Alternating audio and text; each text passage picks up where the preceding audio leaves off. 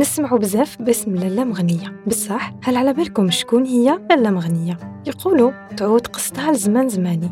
هي طفلة جزائرية نزادت في منطقة معسكر. باباها كان شيخ زاوية معروف بالمدينة وعنده كلمته ومقامه فيها.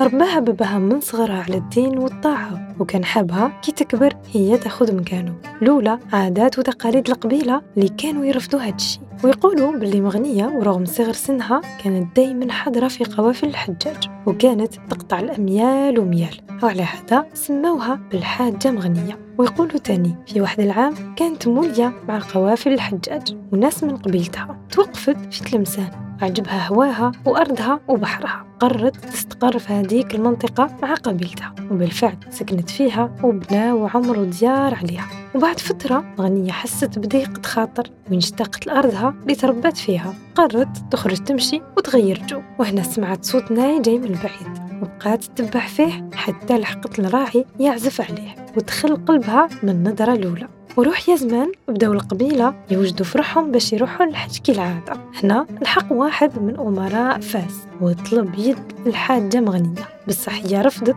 وخبراته باللي تحب راعي اللي يعزف الناي الأمير اعتبرها إهانة كبيرة له بعد ما فضلت الراعي عليه وشن عليها حرب كبيرة. وخرجت مغنية وحاربتهم في الصفوف الأولى وانتصرت في الأخير. وبعد الحرب الكبيرة اللي صارت سمع الراعي بالشي اللي دارته مغنية على جالو.